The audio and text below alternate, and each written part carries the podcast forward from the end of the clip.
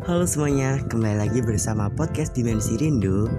Tapi podcast Dimensi Rindu hari ini gak bakalan ngebahas soal hal-hal tentang galau ataupun apa.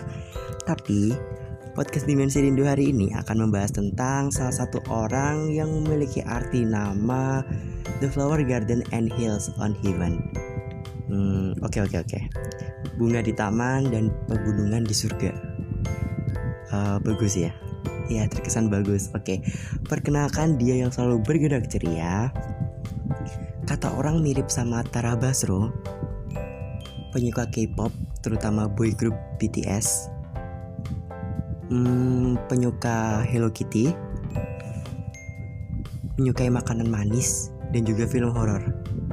Ya Jinan Safa Safira Gadis kelahiran 8 Juni 1999 yang tergabung dalam idol group JKT48 sejak 2015 yang merupakan generasi keempat JKT48 memiliki nama fanbase Jinanika yang beberapa orang sering menyebut dia sebagai princess.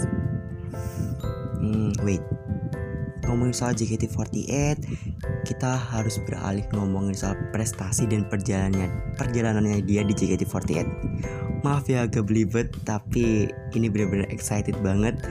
Dan tahun ini merupakan tahun kelima Jinan di JKT48 Beberapa prestasi sudah tertorehkan oleh dia, seperti mengisi beberapa single JKT48, ada Uza yang melewati audisi yang ketat secara internal, kemudian High Tension yang merupakan hasil voting dari fans pada event Senbatsu Sosenkyo 2018 di Sleman City Hall. Dan single Rhapsody yang merupakan single original pertama JKT48 dan spesialnya member yang membawakan ini dipilih oleh fans melalui sebuah voting. Atau kita kenal juga seperti yang tadi di extension itu hmm, Senbatsu Senkyo tapi bedanya tahun ini ada tahun 2019 di Singer Rhapsody seperti itu.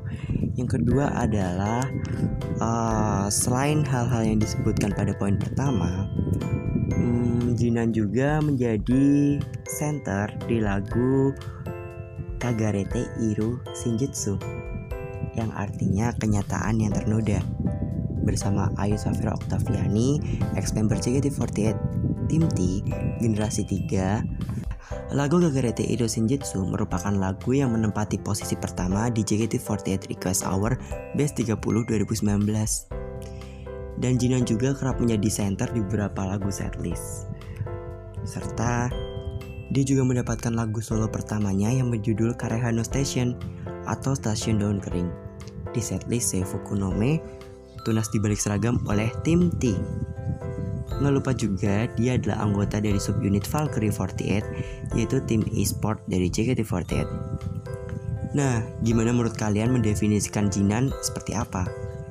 Podcast ini dibuat tanggal 7 Juni 2020 pukul 19 lewat 22 menit dan besok adalah 8 Juni 2020. Pada tahu nggak artinya apa? Hmm, besok adalah perayaan ulang tahun Jinan ke-21. Selamat ulang tahun. Dengan tagline Happy Jinan Day, semoga Jinan selalu diberi kebahagiaan baik bagi dirinya sendiri, dirinya dengan lingkungan sekitar, dirinya dengan keluarga di rumah, dirinya dengan JKT48, dan tentunya dirinya dengan semua orang yang sudah mendukung dia selama ini sampai di titik ini.